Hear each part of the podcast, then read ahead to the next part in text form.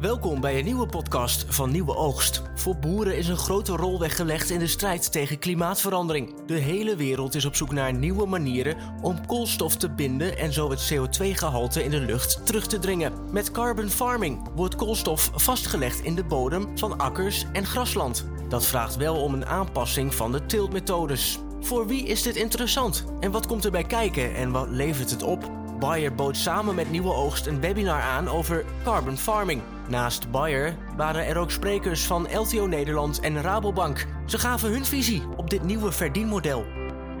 En dat doen we samen met Christy van Beek, duurzaamheidsmanager bij Bayer. Zij zit hier al bij mij aan tafel.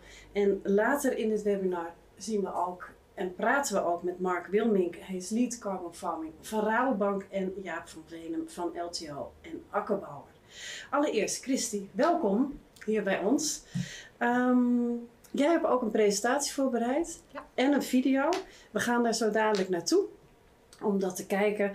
Voordat we dat gaan doen, wil ik u ook uitnodigen om straks vragen te kunnen stellen zodra wij hiermee gestart zijn.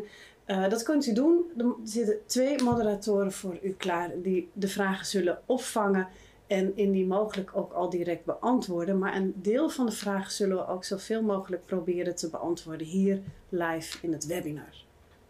En dat ga jij ook doen, Christine. Ja, leuk. Ja, Ja. zeker. Zullen we allereerst kijken naar jouw video? Ja, heel graag. Die is opgenomen.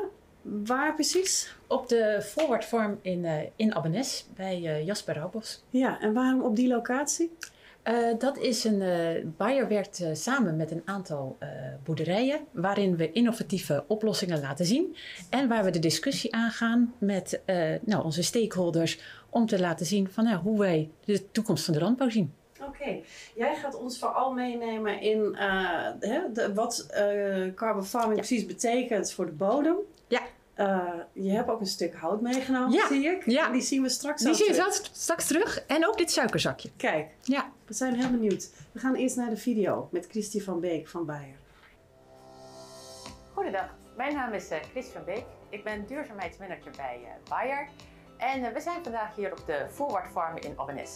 En hier kijken we samen met de boer hoe we de landbouw kunnen verduurzamen.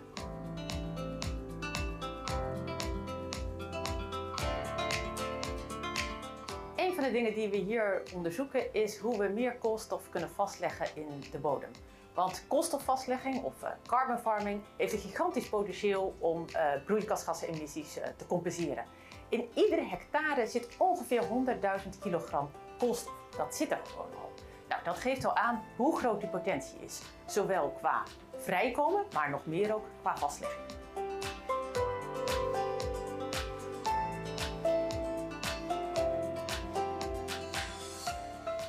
Nou, de potentie om koolstof vast te leggen in de bodem die is dus gigantisch.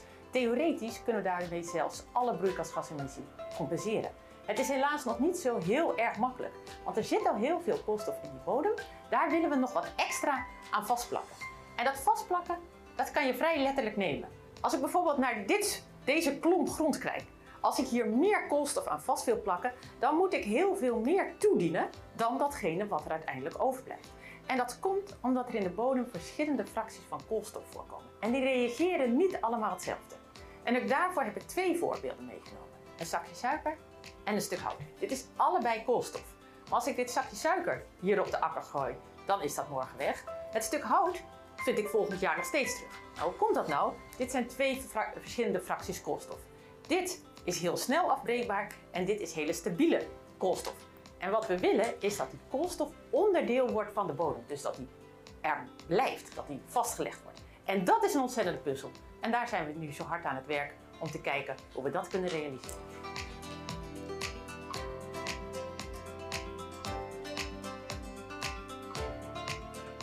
Als Bayer zien we heel veel mogelijkheden om koolstof vast te leggen in de bodem. En daarom doen we hier onderzoek hoe we dat kunnen inpassen in de eh, bedrijfsvoering van de boer. En dat kan bijvoorbeeld door met innovatieve middelen de bodem zo min mogelijk te verstoren. Want dat is ontzettend belangrijk. Want zodra je die bodem openbreekt, komt er lucht in de bodem, breekt die aggregaten open en breekt koolstof af. En dat wil je dus eigenlijk niet. Je wilt dat die koolstof in de bodem blijft. En daardoor is het belangrijk om die bodem zoveel mogelijk met rust te laten. Nou, dat is een hele puzzel en die zijn we nu samen met de boer aan het onderzoeken.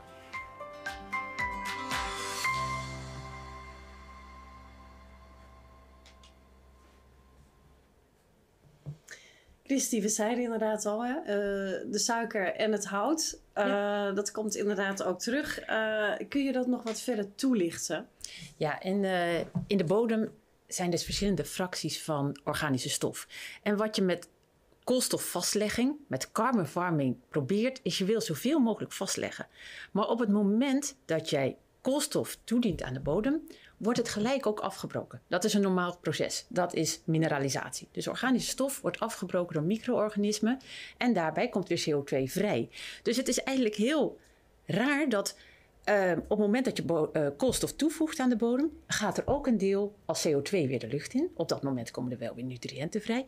En een deel blijft in die bodem. Nou, dat is een dynamisch evenwicht. Hè. Soms wordt wel eens uh, gekeken alsof die bodem een container zou zijn waar je koolstof aan toe doet de deksel erop. Nou, helaas is dat niet zo. Dus het is ontzettend belangrijk om uh, methoden te vinden waarbij we dat kunnen inpassen in de bedrijfsvoering. En nou, hier zie je het in de, in de presentatie. Hè. Je hebt de aanvoer van fotosynthese, dat is de vastlegging van CO2-gewassen. Die wil je in die bodem brengen. Op het moment dat, dat, dat je dat doet, gaat ook zo'n afbraakproces uh, komt dan op gang. Nou, die balans, het zijn continu in die bodem, zijn continu evenwichten aan de gang. En dat zijn dynamische evenwichten van aanvoer en afvoer. Nou, ik heb het heel vereenvoudigd, heb ik de vergelijking opgeschreven.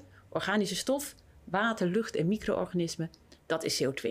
Dat proces wil je minimaliseren en je wil de vastlegging, die wil je dus uh, optimaliseren. Nou, en dan zie je daar uh, verschillende, verschillende fracties. Nou, dat heb ik dan hè, gesymboliseerd door de suiker en het hout. Mm -hmm. Bodemkundigen vinden het altijd ontzettend leuk om te praten over hoeveel fracties, wordt het ook wel pools genoemd, er in de bodem zijn en hoe je die kan onderscheiden. Het zijn verschillende bindingen. En wat nou belangrijk is ook om vanavond te realiseren, is dus dat de ene koolstof niet de andere is. Dat ze verschillend reageren en dus dat je ook verschillende maatregelen moet nemen en dat het een dynamisch evenwicht is. Dus die pools die kunnen veranderen. Dus zodra je die bodem gaat openbreken, dus als je gaat ploegen, dan breek je die aggregaten open en dan wordt dus een koolstof die eerst had vastgelegd, kan weer beschikbaar komen. En andersom. Dus het is die, um, nou ja, die, die, dat dynamische evenwicht en daar moeten we mee aan de slag. Wat maakt dat uh, er nu uh, zoveel te doen is over carbon farming? Nou, omdat uh, de potentie, die is enorm. Hè, dat, dat zagen we ook in het, in het filmpje. Je, er zit al heel veel.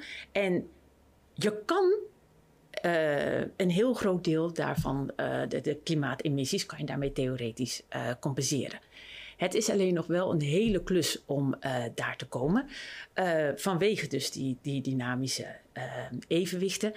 en nou ja, om maar even een, een, een, voorbeeld te geven, en dat staat op de volgende slide, dus misschien kunnen we daar even naar kijken. Mm -hmm. Hè, als je nou 1 ton compost toedient, nou dan blijft daar, gemiddelde van een gemiddelde natuurlijk, hè, want het is allemaal maatwerk, blijft er ongeveer 150 kilogram stabiele koolstof van over. Uh, daarbij is het effect van de grondbewerking, het werd al een paar keer genoemd, mm -hmm. is ontzettend belangrijk. Als je nou kijkt van een perceel wat wel uh, grondbewerking heeft en niet, zit daar wederom natuurlijk een gemiddelde van een gemiddelde, met uh, ongeveer 1% verschil tussen.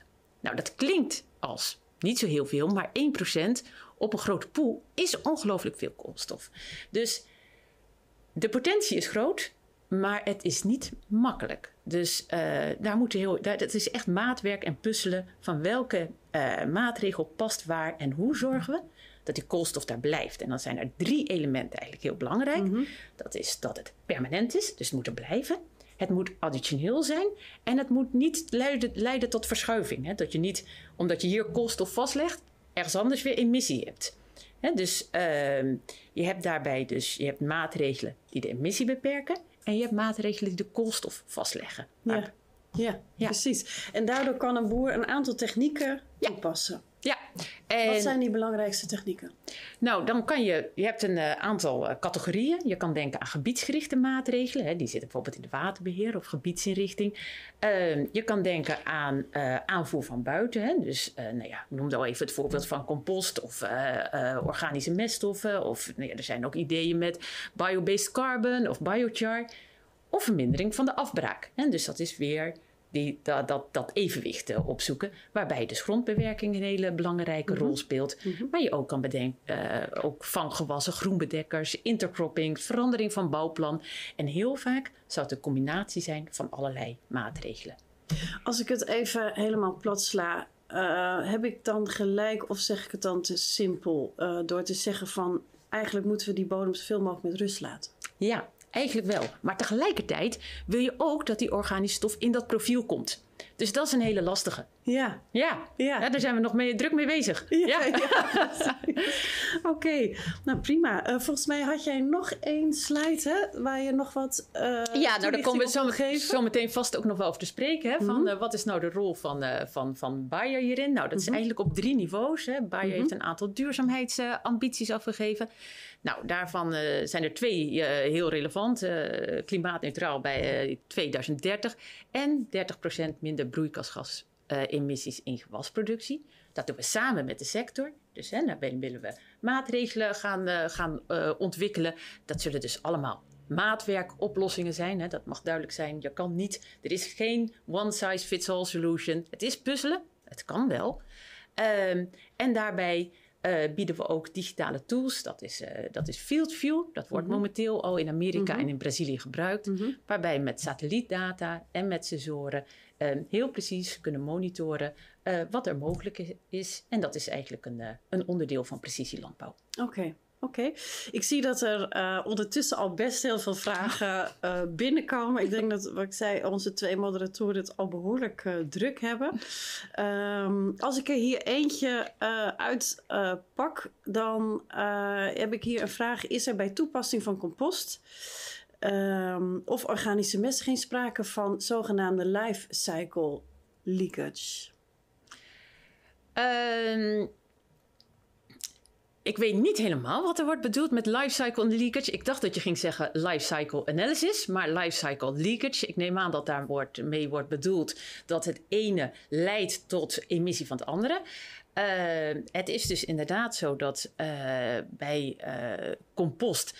ehm, daar heb je natuurlijk eh, gewasresten. Nou, die composteer je. Die dien je vervolgens eh, toe aan eh, de bodem. En daar kan weer een deel van worden afgebroken. En dan gaat het, komt het als emissievrij. Maar door dus ehm, een, eh, eh, eh, het komt weer terug op dat, eh, dat balansenverhaal. Dat een deel ook in de, in de bodem achterblijft. Hoe groot dat deel is, dat hangt van heel veel omstandigheden af. Dat hangt van temperatuur af, dat hangt van je bodemleven af, dat hangt van je bodemtype af. Dus ja, ik hoop dat dit het antwoord op de vraag is. We gaan het straks uh, Dat gaan vast nog eh, horen. Eh, even een andere vraag eh, die eh, ik ook hier tussen zie staan. Eh, als je producten oogst eh, van een hectare land en je legt die langdurig vast in producten, bijvoorbeeld olifantengras vastleggen in beton, leg je dan ook CO2 vast? Nog één keer, sorry. Als je Ehm, producten oogst van het land Ja. en je legt die langdurig vast in weer andere producten, dus als grondstof, zeg maar. ja, Eh, dus bijvoorbeeld je maakt er een tafel van. Ja, en Ja. hier wordt deze eh, wordt gebruikt inderdaad olifantengras vastleggen in beton. Leg je dan ook CO2 vast? Nou, ik ken dit voorbeeld niet, maar ik zou zeggen ja. Want kijk, als je het bij die vastlegging, wat je doet, is je haalt CO2 uit de atmosfeer. Ja. En nou ja, zolang je dat maar langdurig en permanent vast kan leggen, dan, ehm, ja, of dat nu in eh, een, een betonoplossing, die ik eerlijk gezegd niet ken, maar goed, blijkbaar kan Als dat. voorbeeld even. Ja, Dan ligt dat het ook zou vast. kunnen. Ja. Ja. Dus je kan inderdaad het ook vastleggen in andere pro- blijvende Ja. producten. Ja, als het maar daar blijft, als het maar additioneel is, permanent, Ja, en als het maar niet dat verschuift. bedoel je extra Ja, toegevoegd? Dus, ja. Nou, additioneel bedoel ik dat zo'n maatregel niet al wordt gedaan. Dus het moet iets zijn wat bovenop ja. je gangbare eh, praktijken komt. Ja, Ja. precies. Ehm Christy, jij bent, eh, ik zei al in de aankondiging, hè, duurzaamheidsmanager bij Bayer. Ja. Bayer kennen we natuurlijk vooral van gewasbeschermingsmiddelen. Ja. Waarom houden jullie met name hiermee bezig? Nou, Eigenlijk om twee redenen. Als je nou kijkt hè, waar, hoe Bayer zich ontwikkeld heeft. Hè, je zegt, we kennen vooral van gewassenbeschermingsmiddelen, Mhm. hè, dus eh, chemie. Maar ja, daar zijn ook, ook zaden bijgekomen. We gaan met eh FieldView ook maar de precisielandbouw. Dus we krijgen steeds meer een integraal pakket hè, om eh, oplossingen aan te bieden aan de landbouw en die verder te verduurzamen. En, ehm, en het andere is dus om eh, vanwege onze eigen klimaatambities, waarbij we willen bijdragen aan, aan verduurzaming van de hele sector. Oké, heel goed. Ehm, we komen zo bij jou terug. Eh, we gaan eerst nu naar Mark Wilmink. Hij is lead carbon banking bij Rabobank. En ehm, Mark die is niet bij ons in de studio, maar wij spreken hem straks via een live verbinding. En we gaan ook eerst kijken naar een video die ook met hem samen is gemaakt.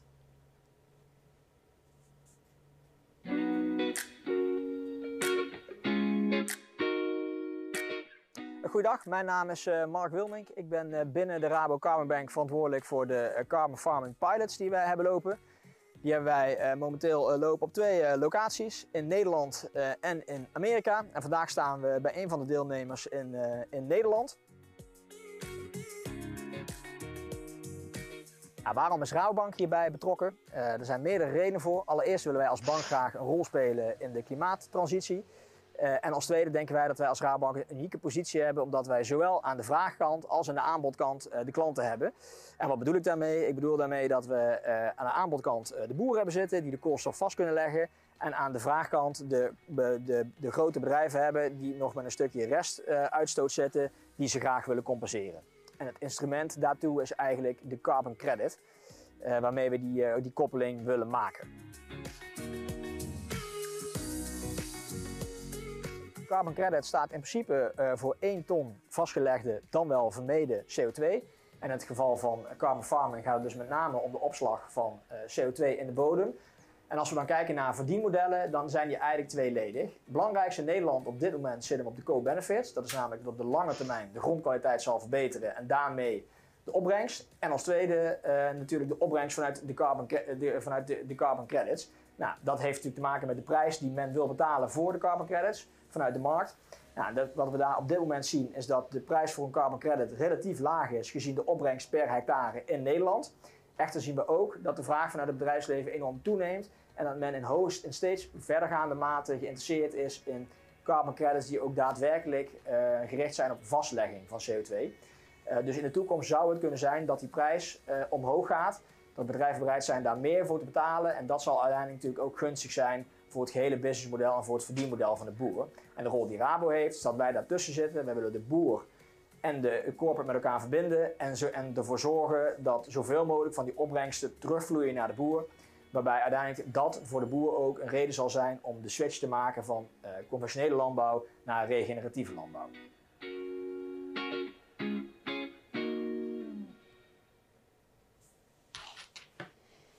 Dat was uh, Mark Wilmink van de Rabobank. Uh, zoals ik al zei, hij is online bij ons in de studio. Wij zullen hem zo ook op de schermen ook zien en ook met hem verder praten over met name het financiële deel. En dat is namelijk de carbon banking. Want uh, vastleggen van koolstof is allemaal leuk en aardig en vast ook goed voor de bodem en het klimaat. Maar het vraagt wel om extra inspanningen en het zou natuurlijk ook heel fijn zijn als de boer daar dan ook een verdienmodel wellicht aan kan verbinden. Mark, welkom bij ons. Goedenavond. In onze uitzending en in dit webinar. Fijn dat je er bent. Uh, we hebben net jouw video gezien. Mm -hmm. um, carbon banking, waar moet ik dan precies aan denken? Nou, zoals ik het ook eigenlijk in de video uitlegde, carbon banking, dat uh, is eigenlijk een brede verzamelterm waarbij wij eigenlijk proberen uh, om met onze uh, farmerklanten, dus de boeren, een carbon credit te genereren die we aan de andere kant bij bedrijven die behoefte hebben om een deel van hun reststoot te compenseren, ja, om die eigenlijk aan elkaar te koppelen. Dus carbon farming of carbon banking, dus al wat bredere term, is eigenlijk het hele concept van het genereren van de carbon credit met de boer en aan de andere kant deze verkopen aan de ja, bedrijven die daar behoefte aan hebben om een stukje restuitstoot te compenseren. Goed, en dat gaat via certificaat, klopt dat? Ja, als je zou het certificaat kunnen noemen. Het gaat eigenlijk over een, uh, over een carbon credit die in, in de regel staat voor 1 ton, 1 ton vermeden dan wel vastgelegde CO2. En dat is eigenlijk een verhandelbare eenheid. Nou, in dit geval waar we vanavond over praten gaat het dan over, uh, over carbon opgeslagen in de grond of dan wel vermeden op het land.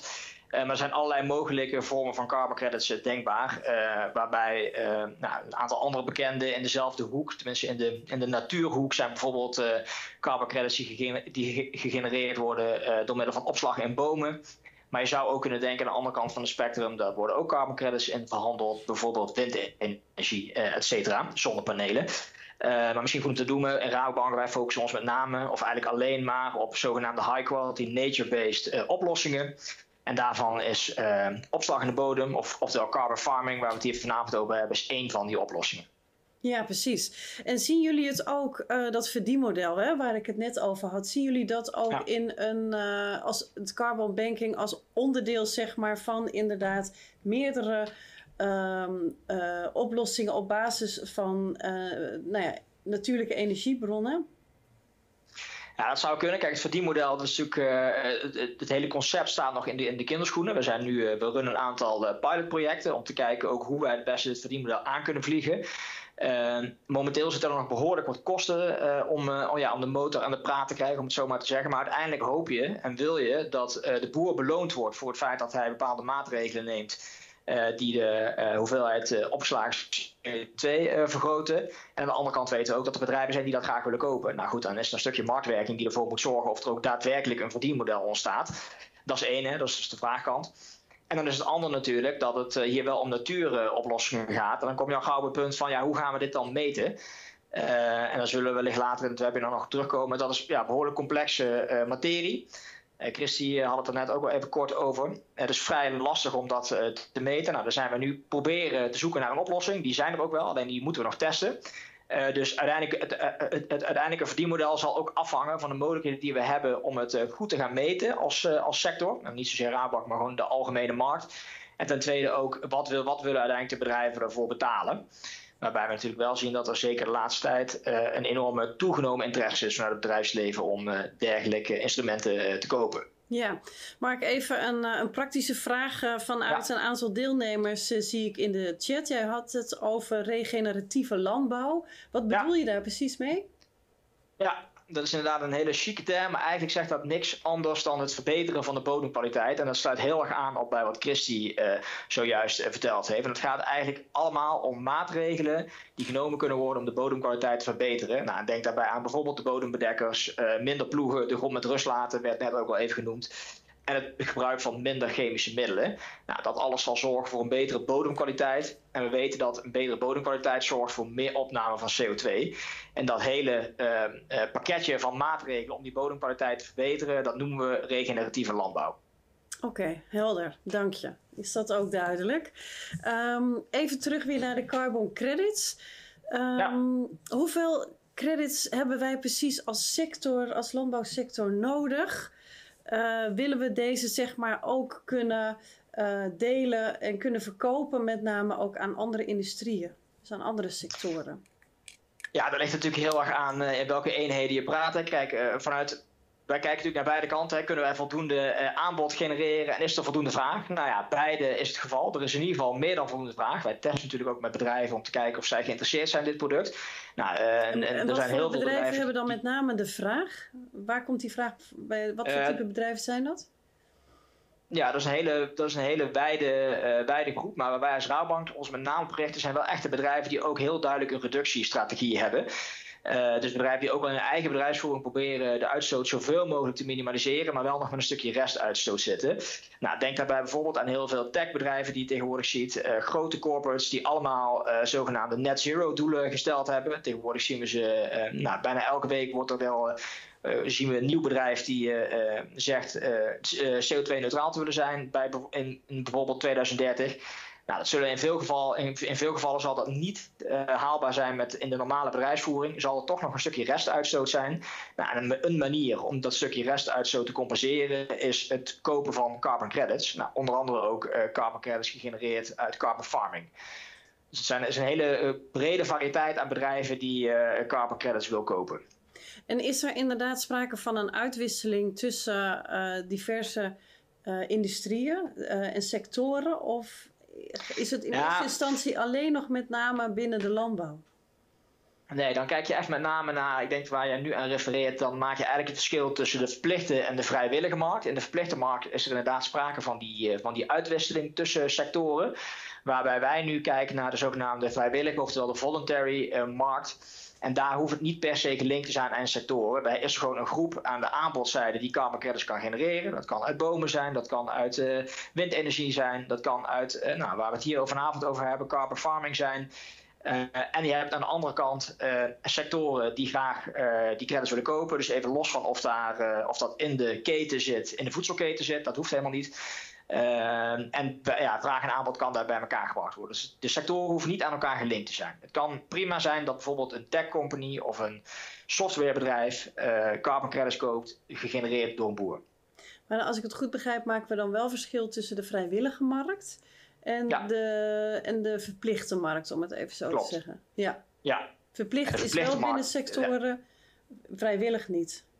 Ja, onder andere is dat een verschil. Uh, en ja, de, de verplichte markt is momenteel ook meer gereguleerd. Uh, en waarbij de vrijwillige markt minder gereguleerd is. En daar overigens nu wel aan gewerkt wordt. En je zal ook steeds meer zien dat er een snijvlak gaat ontstaan tussen die vrijwillige en verplichte markt. Omdat de interesse enorm toeneemt. Maar moet je, je moet je voorstellen, bedrijven waar wij bijvoorbeeld de credits aan willen verkopen, die zijn niet verplicht om hun uitstoot te compenseren, maar doen dat omdat zij een, bijvoorbeeld een doelstelling hebben om uh, hun CO2-uitstoot uh, tot nul terug te brengen. En in die verplichte markt, die bedrijven die die credits kopen, die zijn ook daadwerkelijk verplicht om ze te kopen, omdat ze anders gewoon die uitstoot niet mogen doen. Nou, wij zitten juist in een markt waarbij het nog niet verplicht is, maar wel vrijwillig gedaan wordt. Eigenlijk is dat misschien wel het belangrijkste verschil. En als we, over wat voor bedragen hebben we het dan? Bedragen per credit of meer het algemeen wat er. Uh, wat ja, er inderdaad. In als we het hebben inderdaad of per, per, per uh, uh, vastgelegde hoeveelheid CO2, waar, ja. waar, waar, waar, moeten boeren aan denken als het gaat om het ja. verdienmodel? Dat is een hele goede vraag. Dat is ook de vraag die ik zeker verwacht had. Dat, ja, dat is afhankelijk van heel erg veel factoren allereerst. Het gaat dus altijd om 1 ton vastgelegd dan wel vermeden CO2-uitstoot. Die prijzen variëren enorm. En dat ligt ook heel erg aan het instrument wat ingezet wordt. Als je bijvoorbeeld kijkt naar credits die puur uh, gaan over uh, vermijden van uitstoot, bijvoorbeeld zonne-energie, die zijn een stuk goedkoper al dan credits die vastlegging doen. Dat zit hem ook met name in het feit dat vastleggen nou, een verdergaande vorm is van CO2-uitstoot. Omdat het iets is wat daadwerkelijk ook weer wat er al is en wat weggenomen wordt. Dus dat, dat met alleen maar reductie komen we er niet. We hebben ook echt instrumenten nodig die het vast gaan leggen. Dus een credit die iets vastlegt, die heeft per definitie al wat hogere waarde.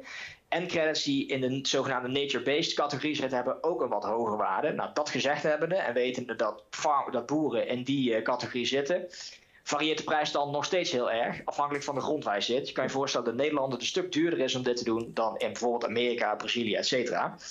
Uh, als wij in Nederland kijken, zien we eigenlijk een ondergrens ergens rond de 40 euro. Ja, en waar de bovengrens ligt, of waar dat naartoe gaat, ja, dat is natuurlijk heel erg afhankelijk van de vraag die gaat ontstaan in de markt en de behoeften van de bedrijven.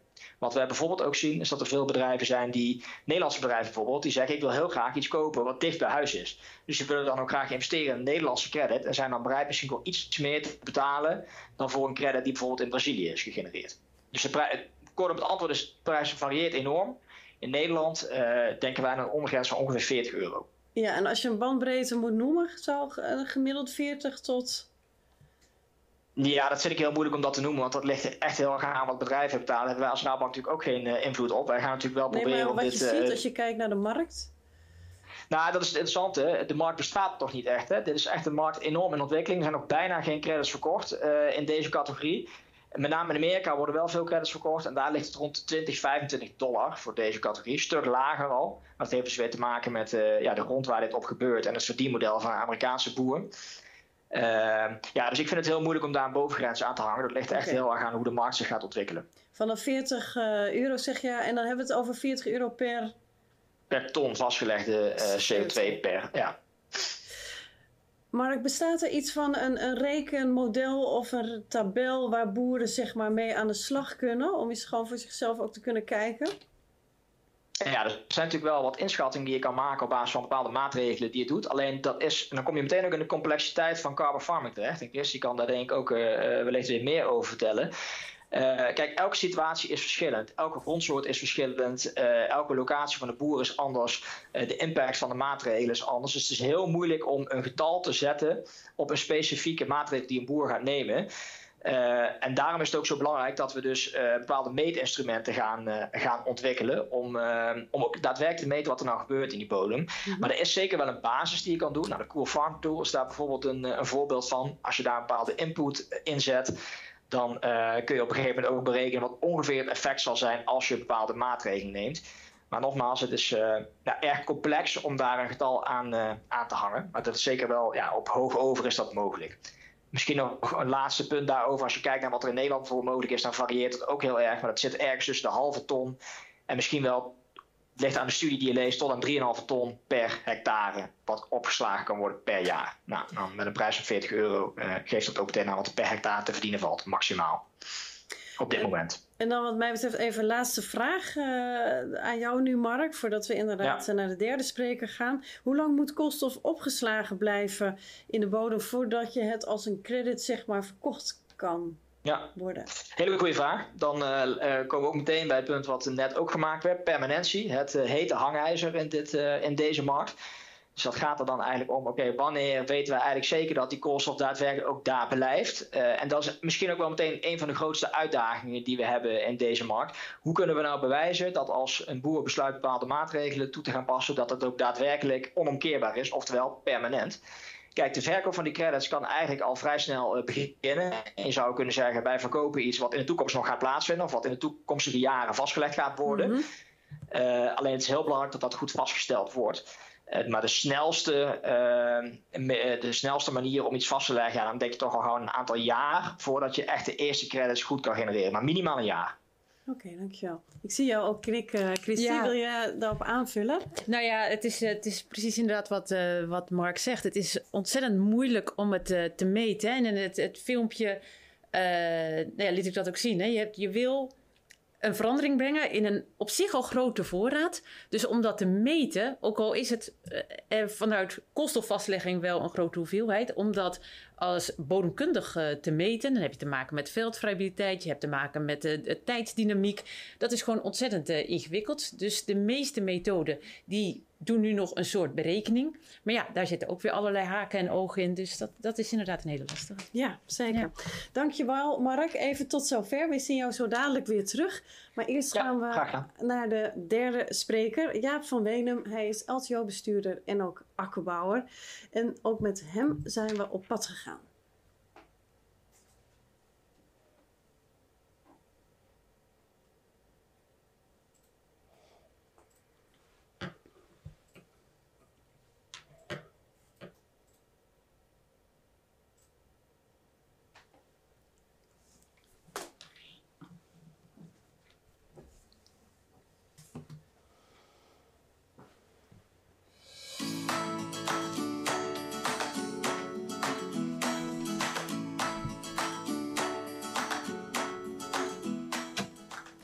Jaap van Wenum, akkerbouwer in uh, Kootwijkenbroek op de Veluwe. En ook uh, voorzitter van de vakgroep Akkerbouw van LTO Nederland. Nou, een gezonde bodem, een bodem met veel organische stof, is ook een goede weerbare bodem. Een bodem die tegen een stootje kan en waar gezonde gewassen op groeien. Dus dat is gewoon ons belang om die bodem zo gezond mogelijk te houden. En daar proberen we ook alles aan te doen. Goede bemesting, liefst met uh, voldoende organische stof aanvoer. binnen de normen die we nu hebben, want die zouden we eigenlijk best wat ruimer willen hebben. Uh, maar ook gewassen telen die, uh, die bijdragen aan die organische stofvoorziening. Granen, ik heb hier tarwe staan. Uh, maar ook groenbemesters en vanggewassen die we tussen de teelten doortelen. Die dragen bij aan die, aan die koolstofopbouw in de bodem. En natuurlijk kijken we ook naar de grondbewerking. Er zijn akkerbouwers bezig met niet-kerende grondbewerking. Om te kijken of op die manier ook meer organische stof in de bodem vast te houden is.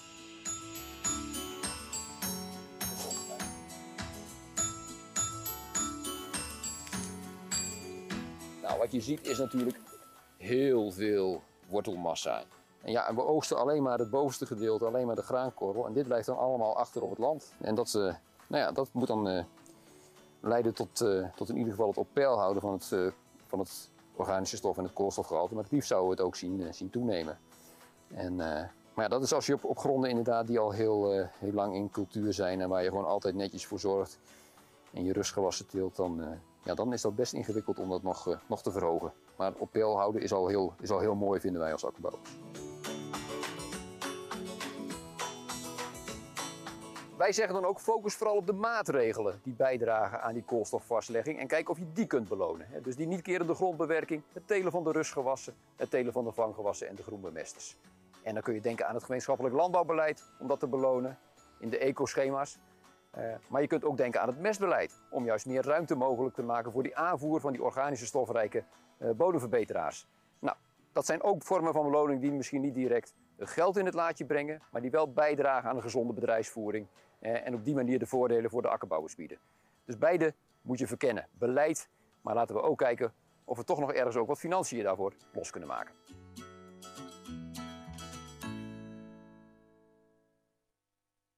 Jaap, welkom bij ons. Dankjewel. Goed dat je er bent. Ehm, ja, jij maakt het vooral zeg maar mee hè, vanuit de praktijk. Eh, ook vanuit jouw achterban, eh, de akkerbouwers.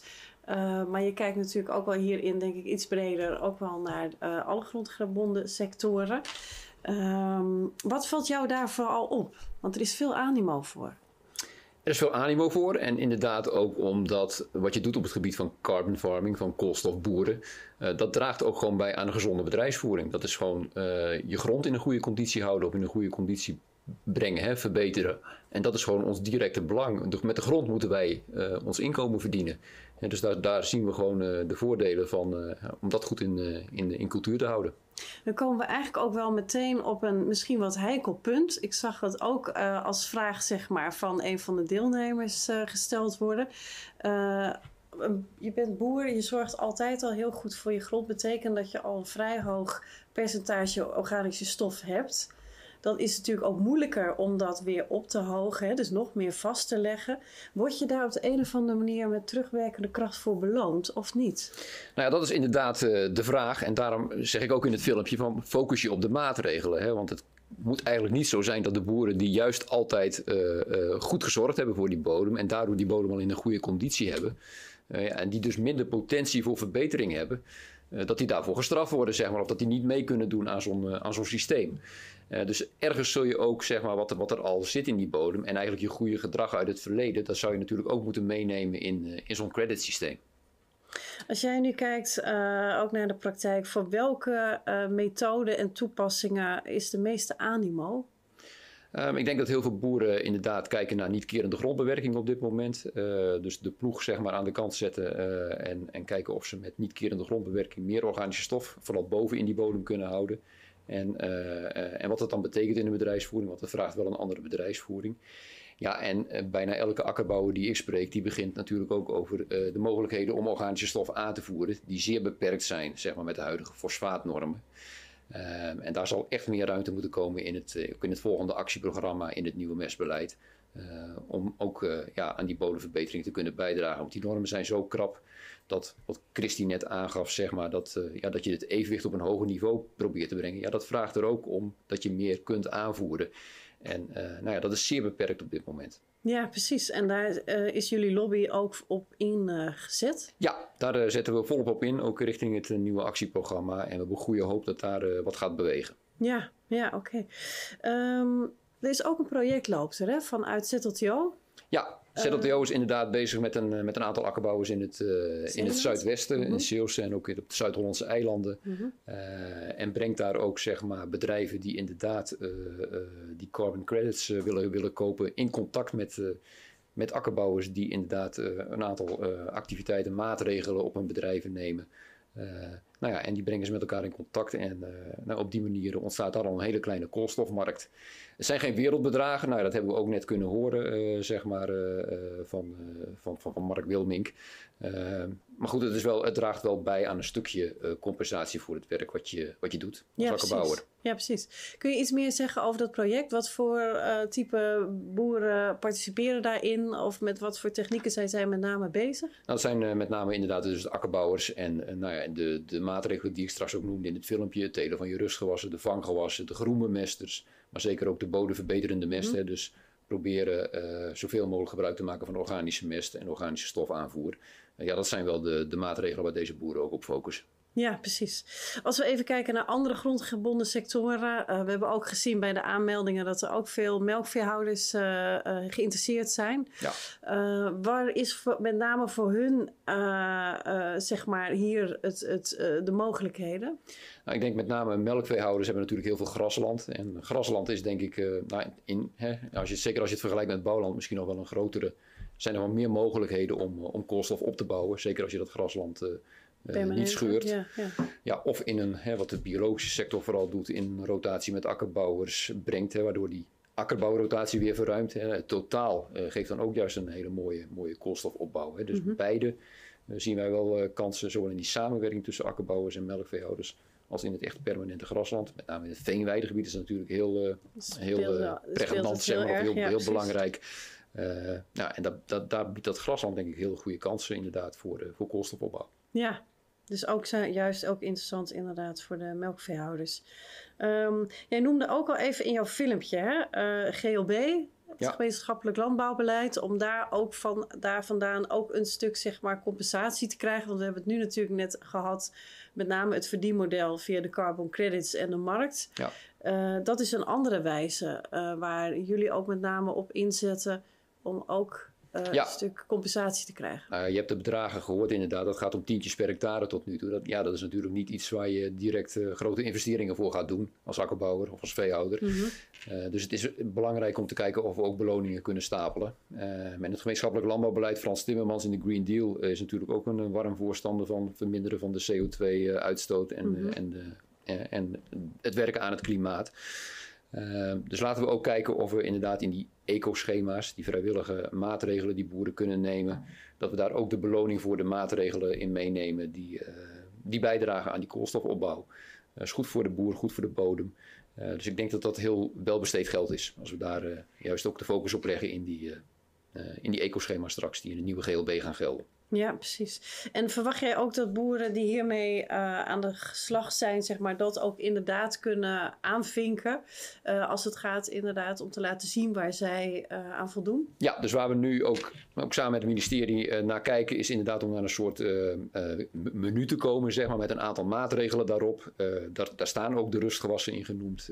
daar staan ook de vanggewassen en de groenbemesters in genoemd. Mm -hmm. de niet-kerende grondbewerking heb ik daar ook al in zien langskomen. Mm -hmm. Nou ja, op al die punten, op al die activiteiten kun je straks punten scoren. En mhm. als je voldoende punten hebt, dan krijg je je beloning uit het, uh, uit het ecoschema. Het is wel belangrijk dat het met elkaar in balans is.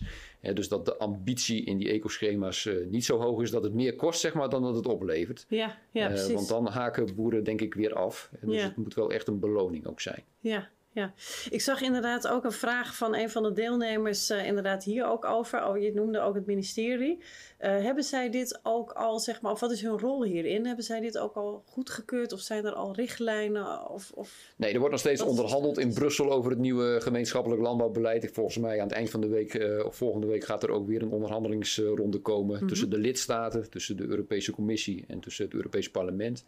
Nou ja, daar worden ook de kaders gezet en er worden ook uiteindelijk bepaald van nou ja, welk deel van het geld uh, gaat er in die ecoschema's, welk deel uh, komen verplichte maatregelen voor. Mm -hmm. um, en voor ons is het belangrijk inderdaad dat, dat het echt een beloning is. Uh, en dat ja, het binnenhalen van het GLB-geld niet meer kost dan dat het oplevert. Het ja. moet echt een beloning zijn. Ja, ja begrijp ik. Goed, um, wat mij betreft halen we ook weer Mark Wilmink erbij. Um, gaan we met z'n drieën, uh, hebben we nu jullie drie samen, gaan we uh, nog verder in gesprek. En inderdaad ook uh, kijken of dat we nog meer vragen van deelnemers kunnen beantwoorden. Um, nog eventjes terug inderdaad naar dat verdienmodel. Want we hebben eigenlijk er nu twee volgens mij gehad. Hè? Dat zijn inderdaad via de carbon credits en nou ja, via inderdaad overheidssteun, zeg maar, via GLB. Uh, er is volgens mij ook nog een derde. En dat is de, het, het, terug proberen te krijgen via de consument. Uh, en ook contracten sluiten met de industrie in CO2-overeenkomsten. Hoe zie jij dat, ja? Ja, ik denk uiteindelijk dat de meeste potentie misschien nog wel ligt... inderdaad via de markt door de consument te laten belonen. Dus door de, de, de, duurzaamheidscertificaten, ook de internationale bedrijven, met name de internationale verwerkers, die toch ook allemaal de doelstelling hebben om CO2-neutraal te willen zijn. Uh, nou, wij scoren heel goed als Nederlandse uh, land- en tuinbouw. We zijn heel efficiënt in het produceren, dus met de laagste CO2-footprint. Dus daar zie ik ook echt een concurrentievoordeel in voor onze uh, boeren ten opzichte, van, ten opzichte van het buitenland. Dus ik denk dat daar ook heel veel potentie ligt. Ehm, zie je daar ook al voorbeelden van? Uh, nou ja, we zien wel uh, bepaalde schema's, zeg maar, uh, bepaalde certificeringen die geëist worden. er wordt nog niet altijd de meerprijs betaald. Hè? Dus dat is ook wel een, een belangrijk een speerpunt. Ook in de contacten die we op dit moment hebben, de gesprekken met de, met de supermarkten, zeg maar. Hè? Dus als het gaat om blended proof en andere eisen die men stelt. Yeah. ja, die beloning die zal er moeten komen en die potentie die ligt er. Maar het concurrentievoordeel hebben we sowieso op dit, op dit gebied en dat zal ook beloond moeten worden. Hoe zie jij dat, Christy? Nou, ik denk dat uh, uh, kostenvastlegging, dat wordt ook wel gezien als een, als een triple win. Hè? En Mark noemde het ook al even, die noemde dat als uh, co-benefits. Dus en wat is ik, dat? Wat bedoel je daar precies? Ja, dat, dat, dat je meer voordelen hebt dan alleen die kostenvastlegging. Ik denk dat je mm -hmm. deze maatregelen, dat je ze eerlijk gezegd niet alleen moet nemen voor die carbon credits. Maar dat je ze moet nemen. Dus voor het geld bedoel je? Ja, mm -hmm. oh, ja sorry, voor het geld. Mm -hmm. Maar dat je ze moet nemen omdat het naast die carbon credits ook nog eens bijdraagt aan een, een betere bodemkwaliteit. Dus hè, meer organische stof, heb je een beter watervasthoudend vermogen, beter nutriëntenhoudend vermogen. Het is eigenlijk de spons in, uh, in je bodem. Um, en hè, een deel daarvan hè, breekt dus ook af. Daarmee krijg je weer nutriënten en is dus ook weer beter voor je oogst. En daardoor wordt dus koolstof in je bodem ook wel een triple win genoemd. Hè. Dus je hebt koolstofvastlegging, betere bodem en betere oogst en betere plantweerbaarheid. Dus um, ik denk, het geld, tuurlijk, dat is heel fijn, dat is heel belangrijk.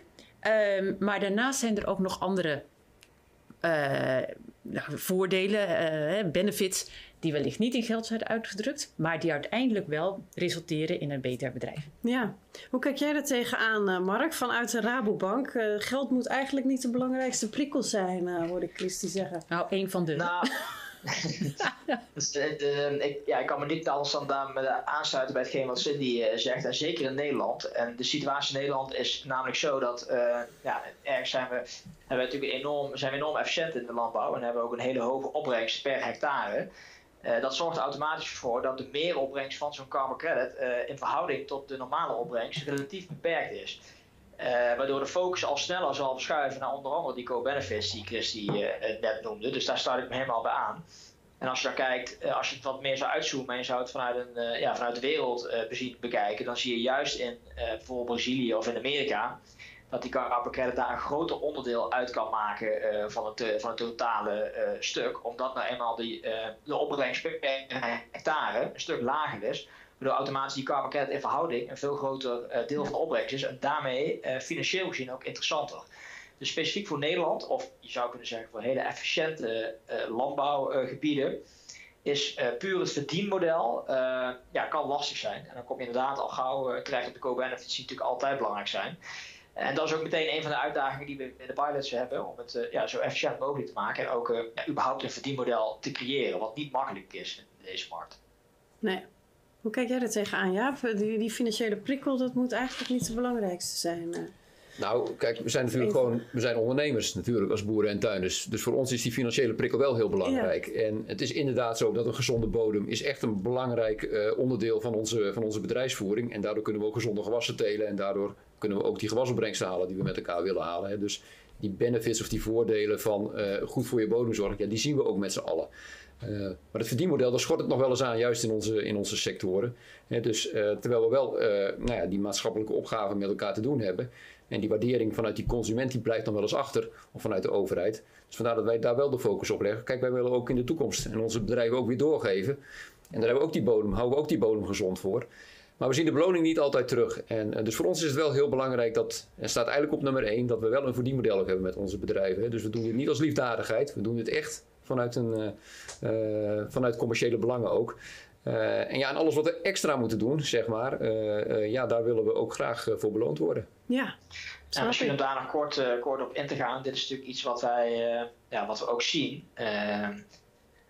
ja, het is, het is inderdaad belangrijk om die financiële prikkel te hebben, maar ja, het is nu eenmaal een lastig model. En wij denken wel dat de sleutel hierin met name ligt in twee dingen. Eén, aan de vraagkant wat wil de markt hiervoor betalen? Dus dat is een belangrijke sleutel. Als dat op een gegeven moment omhoog gaat, zal altijd een punt komen dat het interessant wordt. Dus dat is echt, ja, wat wil de markt betalen? En als de prijs van CO2 omhoog gaat, kan het op een gegeven moment echt heel interessant gaan worden. Iets wat we ook zien in de markt. En het tweede is uh, het model kostenefficiënt uh, runnen. Als wij, wij kijken natuurlijk niet alleen naar Nederland, we kijken naar uh, wereldwijd naar onze boerenklanten.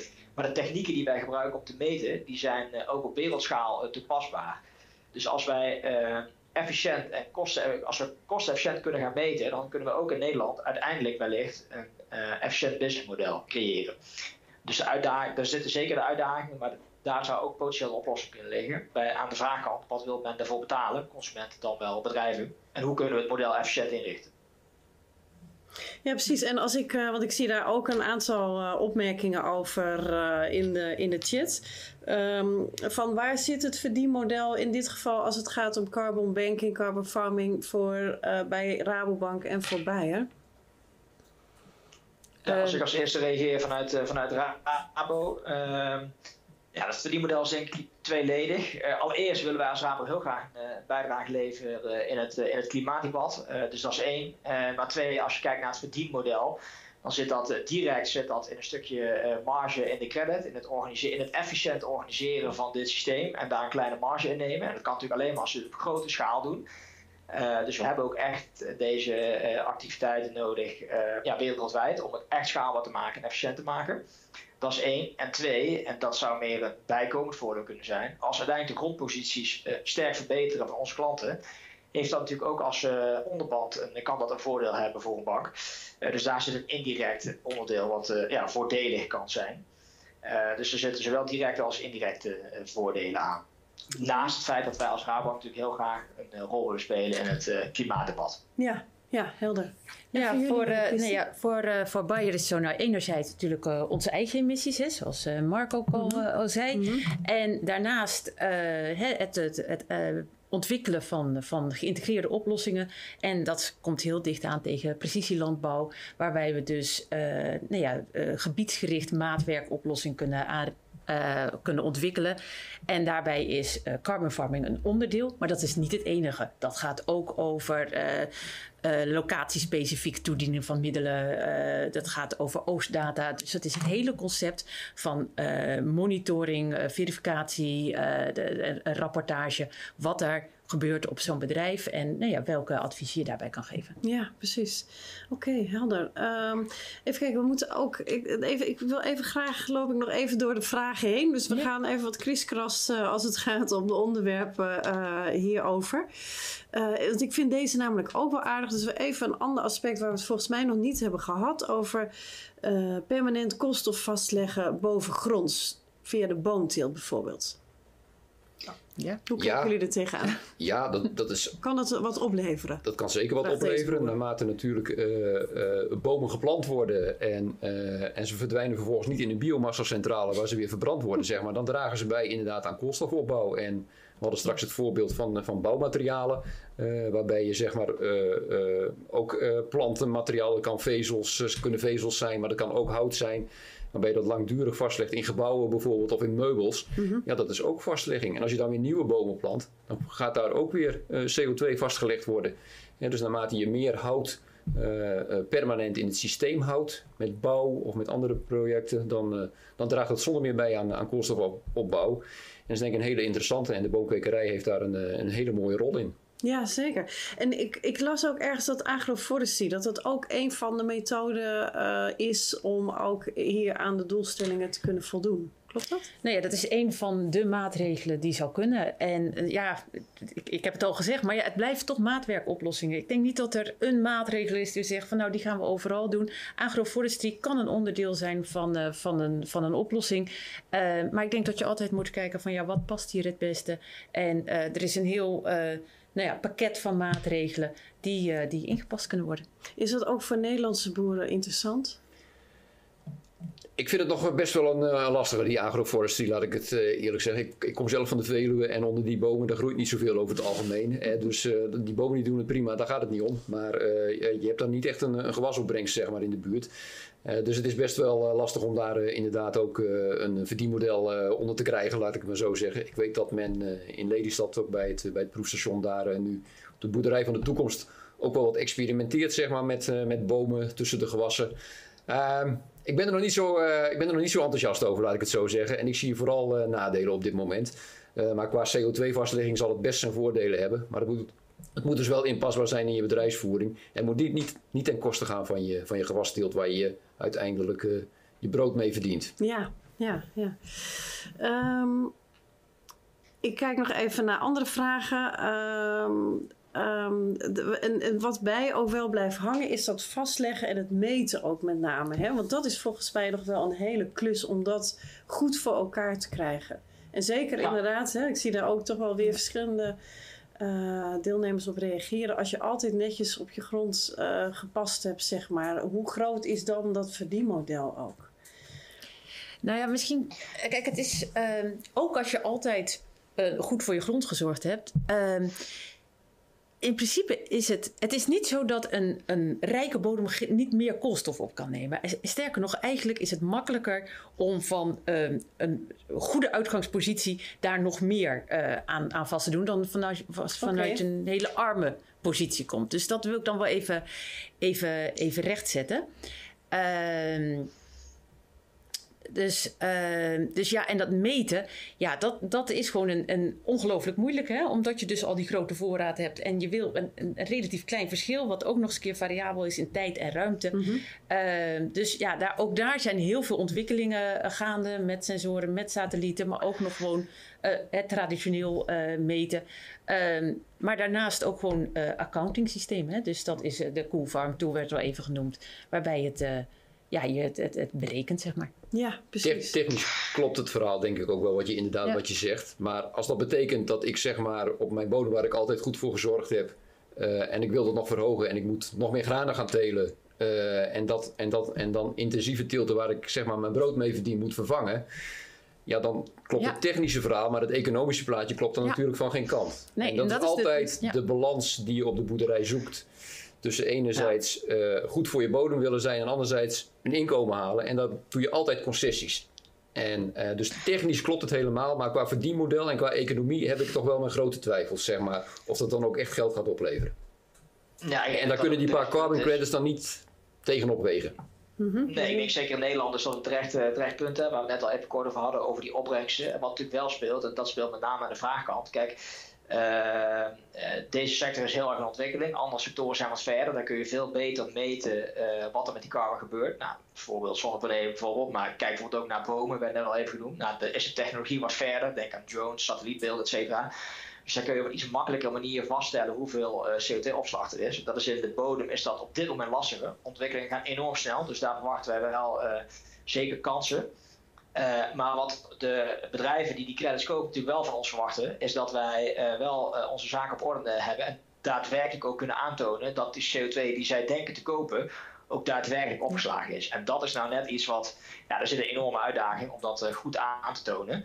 En daar werken we met z'n allen heel hard aan, om dat schaalbaar te maken en om dat goed aan te tonen. Maar daar zit zeker de uitdaging. En ik herken ook meteen wat Jaap zegt rondom verdienmodel. Ja, het, het, het is balanceren tussen een verdienmodel aan de ene kant en bodemkwaliteit aan de andere kant. En eh, ja, het liefst heb je dit hand in hand, eh, eh, dat dit hand in hand gaat. Ja. Maar dat is iets wat we eigenlijk toch altijd al wel doen. Dat doen we ja. Dus inderdaad om die intensieve gewassen te kunnen telen. Die gewassen die inderdaad eh, het geld in het laadje brengen. Moet je je grond ook, eh, ook rust geven. En moet je ook zorgen dat die koolstofopbouw op peil blijft. Eh, maar inderdaad, als je dan inderdaad nog, nog verder wilt, nog meer wilt verbeteren. Want daar hebben we vaak al een, eh, een balans in gevonden. Eh, als je die balans op een hoger niveau wilt brengen. Dan moet je of meer van die rustgewassen, vanggewassen gaan telen. Als daar ruimte voor is. Dat gaat dan vaak ten koste van Ja. die teelten waar je geld mee verdient. Ja, en de andere mogelijkheid is inderdaad om meer organische stof te kunnen aanvoeren. En daar zit het mesbeleid dan vaak toch een beetje dwars. En is daar de beperkende factor op dit moment. Ehm, hè, dus op het moment dat wij inderdaad eh, daar meer ruimte krijgen voor composten, champosten, eh, dierlijke eh, mest die organische stofrijk is. Ja, dan geeft dat ook weer mogelijkheden. Ja, ja, precies. Mark, als ik jou beluister, zeg jij dan eigenlijk dat eh, carbon farming voor de Nederlandse boer gewoon echt minder aantrekkelijk eh, is? Dan bijvoorbeeld van een boer in Amerika en Brazilië die beschikt over veel grotere oppervlaktes en gewend is met andere saldo's te werken? Uh, ja, ik denk dat daar twee dingen spelen. Eén, ik denk als je de situatie nu bekijkt, ja, dat is zo. Uh, omdat, ja, dat is precies wat je net zegt, de situatie is gewoon anders. Uh, de carbon credit maakt in Amerika helemaal een groter deel uit van de opbrengst dan dat dat in Nederland doet. Ook, al is de prijs hier op dit moment al twee keer zo hoog. maar dat betekent natuurlijk niet dat in de toekomst, als de prijs gaat stijgen, en dan kan natuurlijk wel een punt ontstaan dat het wel interessant wordt. En dat zou dan ieder liter ook nog hand in hand gaan met een kostendaling aan de kant van het meten en uh, ja, de kosten die de boer moet maken om, uh, om deze regeneratieve maatregelen toe te passen, de voordelen die hij daarvan ziet. dus ja, op dit moment is dat zo, dat, geogra dat geografie speelt zeker een rol. En daarbij is Nederland op dit moment niet, niet in het voordeel heel specifiek kijken naar die credits. maar dat zou natuurlijk wel kunnen veranderen door de tijd heen. Naast het feit dat het natuurlijk überhaupt ja, belangrijk is om te kijken naar deze maatregelen vanuit, het, vanuit de andere argumenten die ook Christy al aanhaalde rondom biodiversiteit, et cetera. Oké, um, wat mij betreft een laatste ronde. Want we lopen, uh, we zijn inmiddels een uur bezig. Uh, dus we gaan naar een afronding uh, toe. Um, ja, als ik bij jou mag beginnen. carbon farming in Nederland. Waar staan we over vijf jaar? Wat verwacht jij? Um, de aandacht voor carbon farming die neemt toe. Dat is, dat is absoluut duidelijk. En uh, boeren zullen zeker ook bereid zijn om uh, uh, de maatregelen toe te passen die bijdragen. En dat doen we vaak dan ook al. Hè. Dat blijkt ook wel uit de vragen. Hè. Dus heel veel boeren die daar juist heel goed voor zorgen. Die ze hebben zoiets van, ja, maar dat wil ik nu eigenlijk al wel voor beloond worden. Voor mijn goede gedrag. het gaat in het GLB aandacht krijgen. Dat is, dat is absoluut duidelijk. De Green Deal speelt in Europa. Ehm, wij hopen dat we daar in het mestbeleid ook wat meer ruimte voor krijgen, zeg maar, om die bodem te kunnen verbeteren, ook via de, via de bemesting. Ehm, en ja, ik, of er ook echt een carbon credit systeem komt, uh, zoals, uh, zoals Rabobank hier, hier schetst. Um, ik, ik, ik heb daar nog wel uh, wat mijn twijfels over, laat ik het zo zeggen, omdat het om eigenlijk klein geld gaat ten opzichte van wat je ervoor moet doen. en de transactiekosten kunnen ook nog wel eens behoorlijk, behoorlijk hoog zijn. Uh, dus we moeten dat zeker verder verkennen. En ik hoop ook inderdaad met Mark dat die prijzen fors gaan oplopen. Want dan mhm. biedt het inderdaad mhm. potentie. Mhm. Maar met de huidige prijzen uh, nou, ben ik nog niet overtuigd, zeg maar. En sta ik nog niet in de rij om morgen mee te doen. Het staat nu nog echt inderdaad in de kinderschoenen, hè, wat Mark zegt. Dus er moet nog een volwassen markt gaan worden die wellicht toch interessant gaat worden uiteindelijk. Ja, dus maar dat is heel veel. Uh, we hopen en we, uh, en we verwachten dat daar wat gaat gebeuren en wat gaat bewegen. Uh, maar de potentie in Nederland is inderdaad, zoals Mark, Mark schetst, uh, klein. Dat neemt niet weg dat wij inderdaad gewoon goed voor onze bodems willen zorgen. En dat ook blijven doen. Ja. En bedoel, dat, los, dat staat los van een carbon credit uh, systeem. maar maatregelen die inderdaad veel geld kosten, ja, daar zal de beloning ook naar moeten zijn. Ja, en nou ja, daar heb ik mijn twijfels op de, over, de, over de hoogte van de beloning zoals die nu is in, in de carbon credit prijs, zoals die nu op de markt geldt. Oké, okay, helder. Christy?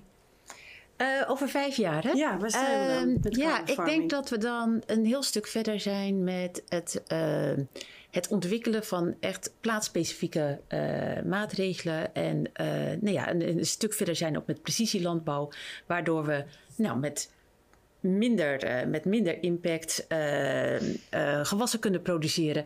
En daarbij ook koolstof kunnen vastleggen en dat bij kunnen houden. Waar dat gebeurt, hoe dat gebeurt, welke manier. Tegelijkertijd ook, dat moeten we niet vergeten, emissies kunnen reduceren. Hè? Want dat is, en dat zei Mark ook al, je moet eigenlijk twee dingen tegelijkertijd doen. Je moet vastleggen en je emissies reduceren. Anders ben je aan het dweilen met de kraan, kraan open. Mm -hmm. Ik denk dat daar ook ehm, grote stappen in kunnen zetten door nog efficiënter te worden, door heel specifiek te kijken wat er kan. Oké, dankjewel. Mark, waar denk jij over vijf jaar, waar staan we dan? Ja, ik denk dat de bewegingen uit een aantal richtingen uh, gaan komen die uh, het wellicht toch mogelijk maken om een, uh, een carbon credit systeem, dan wel een huidige vorm, dan wel een wat aangepaste vorm, misschien wel in een wat breder spectrum, bijvoorbeeld stikstof, op te zetten. Uh, ik denk met name dat de beweging moet komen vanuit uh, de technologie. Nou, ik kan daar vanuit mij wel ook bevestigen dat ik echt enorm veel ontwikkeling zie daar. Het wordt echt een stuk eenvoudiger. Er zijn echt interessante ontwikkelingen gaande. Uh, het is al een aantal keer genoemd. Ik denk aan de vraagkant zie je enorm veel interesse. als je dat vergelijkt met een jaar geleden zie je echt enorme toename van bedrijven die zeggen CO2-neutraal te willen zijn. Nou, dat zullen ze op een manier moeten bereiken. En carbon credits zijn daar een potentieel instrument voor. Uh, en ik denk aan de aanbodzijde dat we daar uh, ja, wellicht door bepaalde efficiënties ook gemakkelijker credits kunnen genereren met wellicht wat minder uh, moeite. Ehm, en die drie ontwikkelingen samen zouden ervoor kunnen zorgen dat we wellicht in de toekomst wel een aantrekkelijk model kunnen bouwen in Nederland rondom carbon farming. Goed zo, dankjewel. Mark. Sowieso dank jullie wel voor jullie aanwezigheid. Want we gaan afsluiten van dit webinar.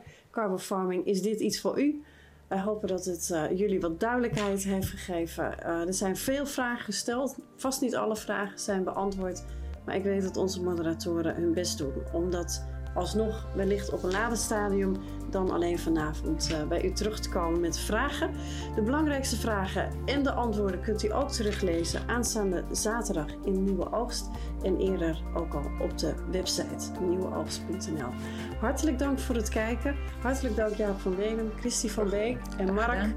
Hij is inmiddels uh, weg en wij gaan ook afsluiten. Dank u wel. Fijne avond nog.